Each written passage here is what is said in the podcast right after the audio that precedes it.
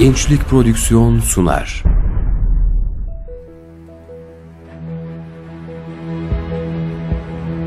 Bizim davamız İslam'dır. Gayemiz Allah'ın rızasını kazanmaktır. Hedefimiz hak nizamını hakim kılmaktır. Arzumuz tüm insanlığın saadetidir. Yolumuz ikna metodudur, cihattır. Bu dava için çalışmak herkese nasip olmaz. İster gecenizi gündüzünüze katarak çalışın, ister yan gelip yatın. Bu hak davanın başarısını ne bir gün öne alabilirsiniz ne de bir gün geciktirebilirsiniz. Bütün mesele bu şerefli davada nasıl bir imtihan vereceğimizdir.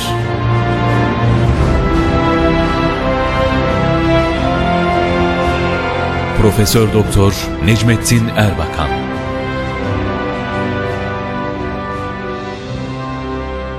Davam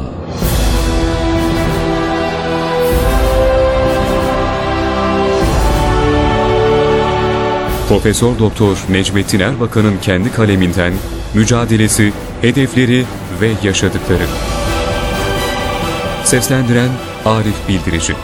Kayıt montaj Ali Güngör.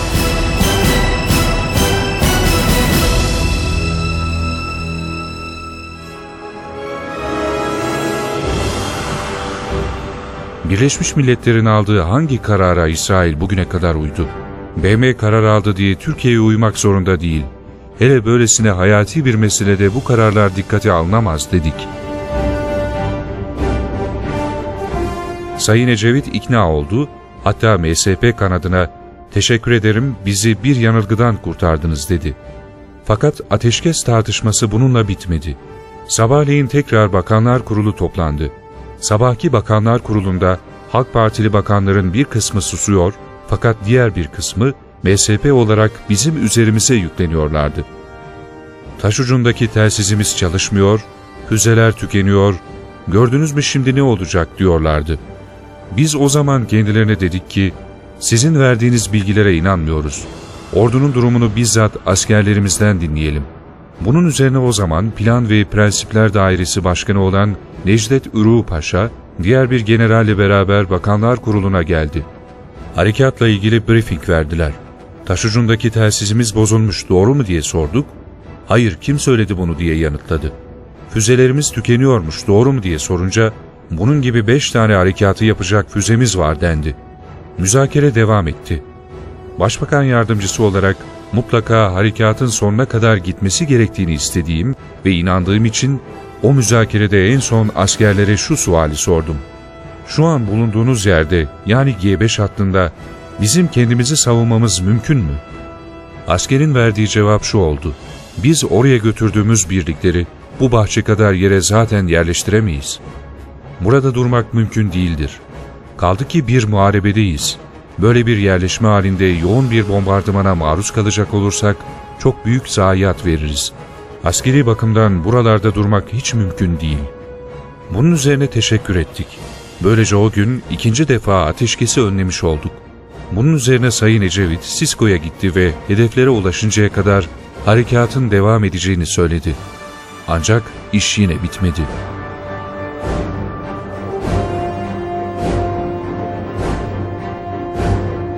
İkinci günün akşamı pazarı pazartesiye bağlayan akşam tekrar ateşkes için geldiler. Dediler ki, efendim bütün dünyayı karşımıza alıyoruz.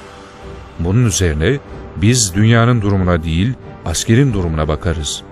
Ordumuzun durumunu savunabilecek bir noktaya geldik mi ateşkesi düşünürüz dedik. Efendim ben askerlerle konuştum böyle bir durum olduğunu söylüyorlar dedi. O halde müsaade ederseniz ben de bir konuşayım dedim. Bakanlar Kurulu'ndan ayrılıp Genelkurmay Başkanlığı'na gittim. Rahmetli Genelkurmay Başkanımız Orgeneral Semih Sancar Paşa'mız orada harekatı takip ediyordu. Kendisinden malumat rica ettim. Kendisi dedi ki, biz G5 hedeflerine vaktinden önce ulaşırız. Sizden ricam şudur, ateşkesi yarın saat 5'ten önce ilan etmeyin. Çünkü biz saat 5'te askeri bakımdan G5 hattını tutmuş olacağız. Zaten harekatın birinci kısmı buydu. Ondan sonra da ikinci kısmını yapacağız. Genelkurmay Başkanımız rahmetli Semih Sancar Paşa'ya dedim ki, bakın sizin uzmanlarınız, generalleriniz geldiler, bize burada ila nihaiye tutunamayız dediler. Yeşil hatta kadar gitmemiz gerekiyor. Bakınız biz MSP kanadı olarak bir ateşkes kararı alabiliriz. Bu kararın alınmasına gücümüz yetiyor. Ama tekrar ikinci harekatın başlatılması için emir vermeye tek başımıza gücümüz yetmez. Onun için ben sizden asker olarak bir söz istiyorum. Ne yapıp edip ikinci harekatı devam ettireceksiniz. Burada tutunmanız zaten mümkün değil. Bunun üzerine Sancar Paşa, size asker sözü veriyorum dedi. Ve eliyle çizmiş olduğu haritayı da hatıra olarak aldım. Bakanlar Kurulu'na gelerek arkadaşlara izahat verdim. Genelkurmay Başkanımızın yeşil hatta kadar ilerlenmesi yönünde kanaat belirttiğini ifade ettim. Biz MSP kanadı olarak ertesi gün saat 5'te ilan edilmesi şartıyla ateşkese razı olabileceğimizi söyledik. Ancak Sayın Ecevit gazetecilikten gelme alışkanlığıyla olsa gerek o gün saat 5'e kadar beklemedi ve saat 11'de ateşkesi açıkladı. Sonradan yapılan tespitlere göre maalesef ateşkesin erken ilan edilmesi yüzünden Lefkoşa'nın bir kısmını kaybetmişiz. Bizim milli görüş olarak Kıbrıs Barış Harekatı'ndaki hedefimiz bütün Kıbrıs'ı kontrolümüz altına almaktı. Bunun da birkaç önemli sebebi vardı. Bunlardan bir tanesi biz garantör devlet olarak bu harekatı yapıyorduk. Bizim garantörlüğümüz Kıbrıs'ın tümü üzerindedir. Öyleyse Kıbrıs'ın tümü üzerinde can güvenliğini sağlamamız bizim vazifemizdi. İkincisi Rum tarafında da birçok kardeşimiz var. Oradaki köylerde de katliamlar oluyor. Biz adanın bir kısmını kontrolümüz altına alıp öbür kısmını kontrolümüz dışında bırakırsak burada katliamlar artarak devam eder. En önemlisi de masaya oturduğumuzda pazarlık marjımız daha yüksek olacaktı. Çünkü Kıbrıs'ın tamamının alınmasıyla yarısının alınması arasında hiçbir fark yoktu.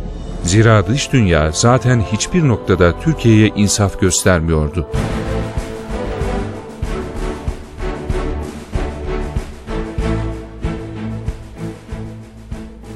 Genelkurmay Başkanımız rahmetli Semih Sancar Paşa'ya dedim ki, bakın sizin uzmanlarınız, generalleriniz geldiler, bize burada ila nihaiye tutunamayız dediler.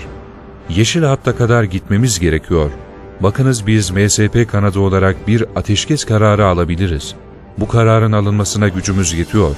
Ama tekrar ikinci harekatın başlatılması için emir vermeye tek başımıza gücümüz yetmez.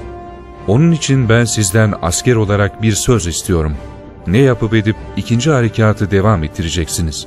Burada tutunmanız zaten mümkün değil. Bunun üzerine Sancar Paşa, size asker sözü veriyorum dedi. Ve eliyle çizmiş olduğu haritayı da hatıra olarak aldım. Bakanlar Kurulu'na gelerek arkadaşlara izahat verdim. Genelkurmay Başkanımızın yeşil hatta kadar ilerlenmesi yönünde kanaat belirttiğini ifade ettim. Biz MSP kanadı olarak ertesi gün saat 5'te ilan edilmesi şartıyla ateşkese razı olabileceğimizi söyledik. Ancak Sayın Ecevit gazetecilikten gelme alışkanlığıyla olsa gerek o gün saat 5'e kadar beklemedi ve saat 11'de ateşkesi açıkladı.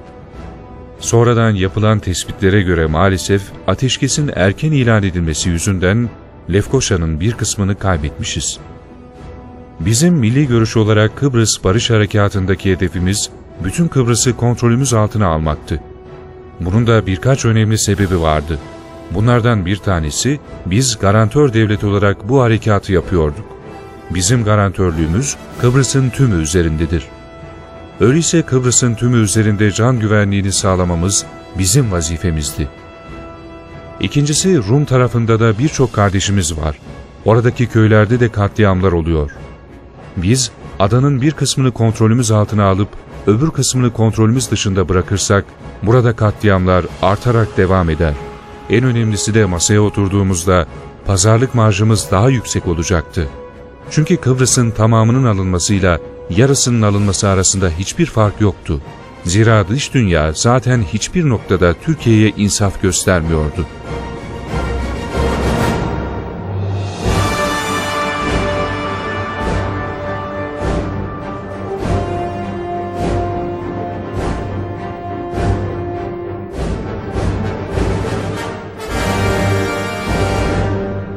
Biz ikinci harekatın yapılmasını istedik.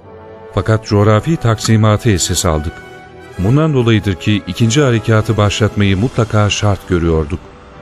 Ve binbir uğraşmalarla ikinci harekatı başlattık. İkinci harekat durdurulmadan da biz o hedeflere ulaşılmasını ısrarla istedik. En azından Larnaka mutlaka alınmalıdır dedik. Sonradan Larnaka'yı almak üzere giden bizim kuvvet komutanına bizden gizli olarak hayır gitmeyin, geri dönün diye emir verildiğini öğrendik. Hatta o komutan, Sayın Erbakan bizi Larnaka yolundan çevirmeseydiniz çok daha iyi olacaktı dedi. Ecevit de yanımdaydı. Ben de kendisi burada. Biz çevirmedik. O çevirmiş demek ki. Biz de bunu şimdi burada öğreniyoruz dedim.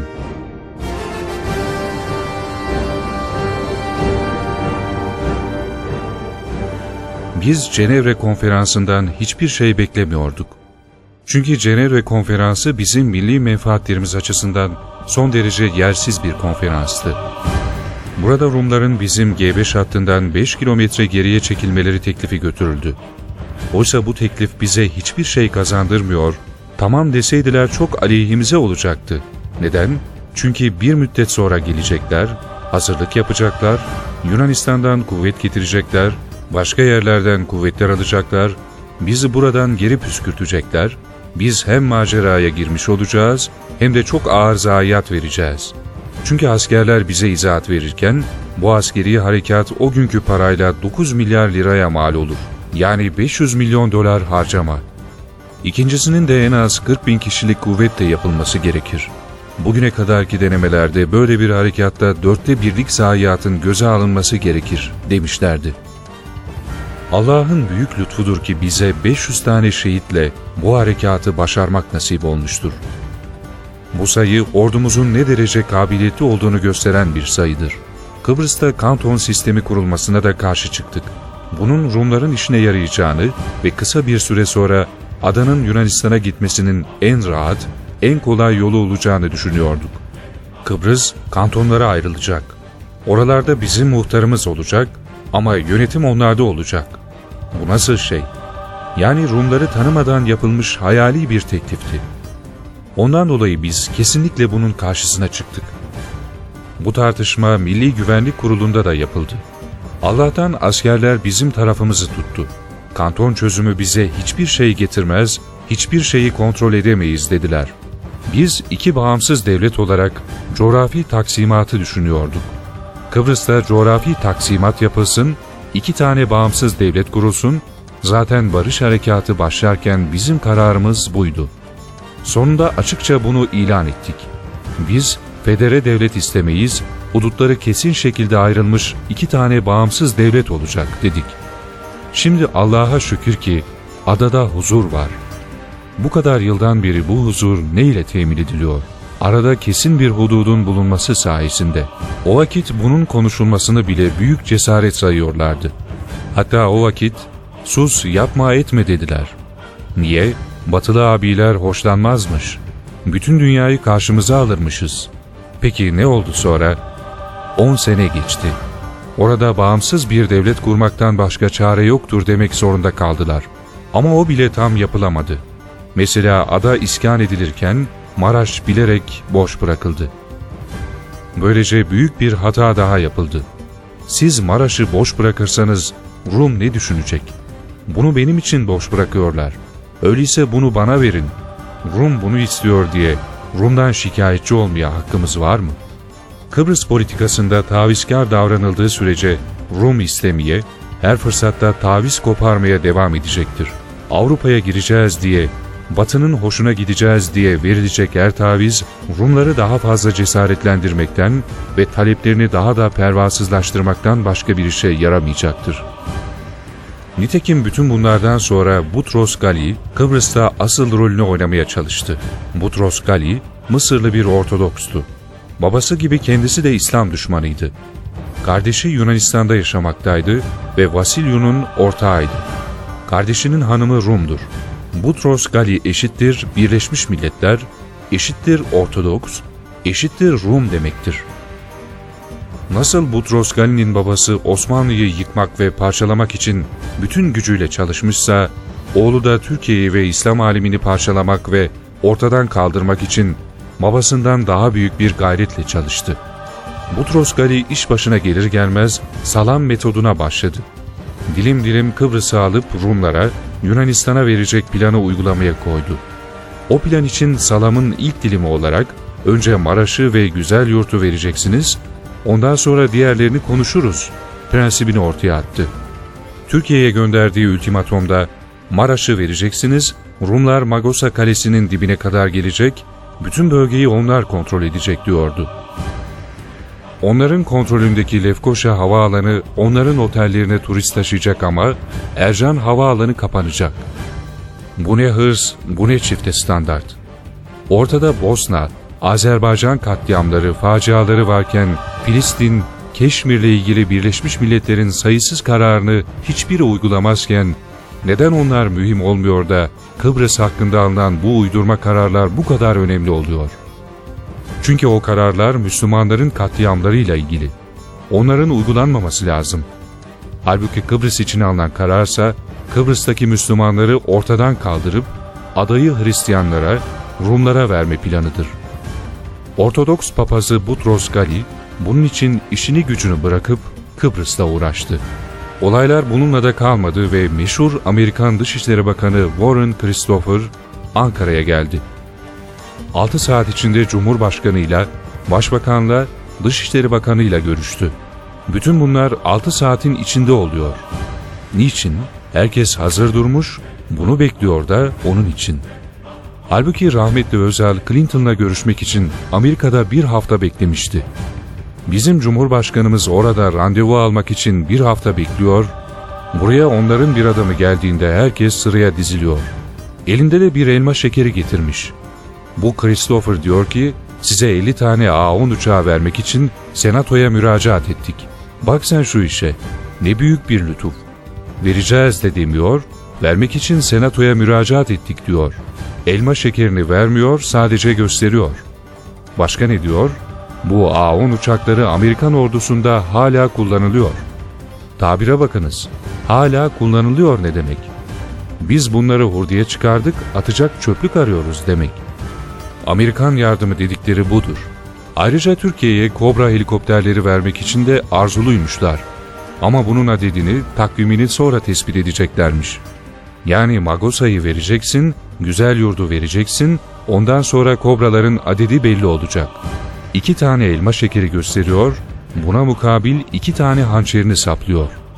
15 Mayıs 1919'da Yunanlılar İzmir'e niye çıktılar? Biz Anadolu'yu Bizans'a alacağız dediler.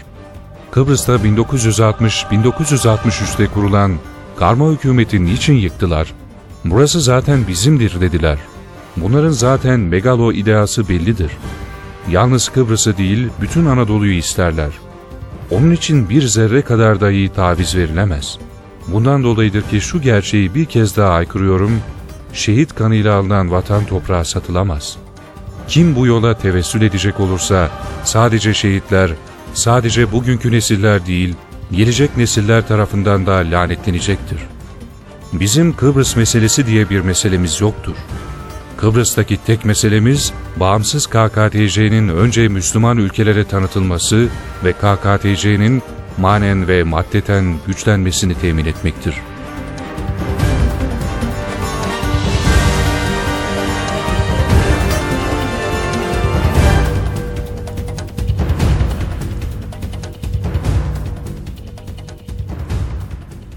Davam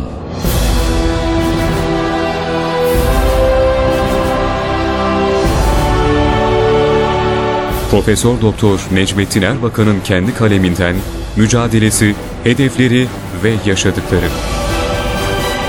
Seslendiren Arif Bildirici. Kayıt montaj Ali Güngör.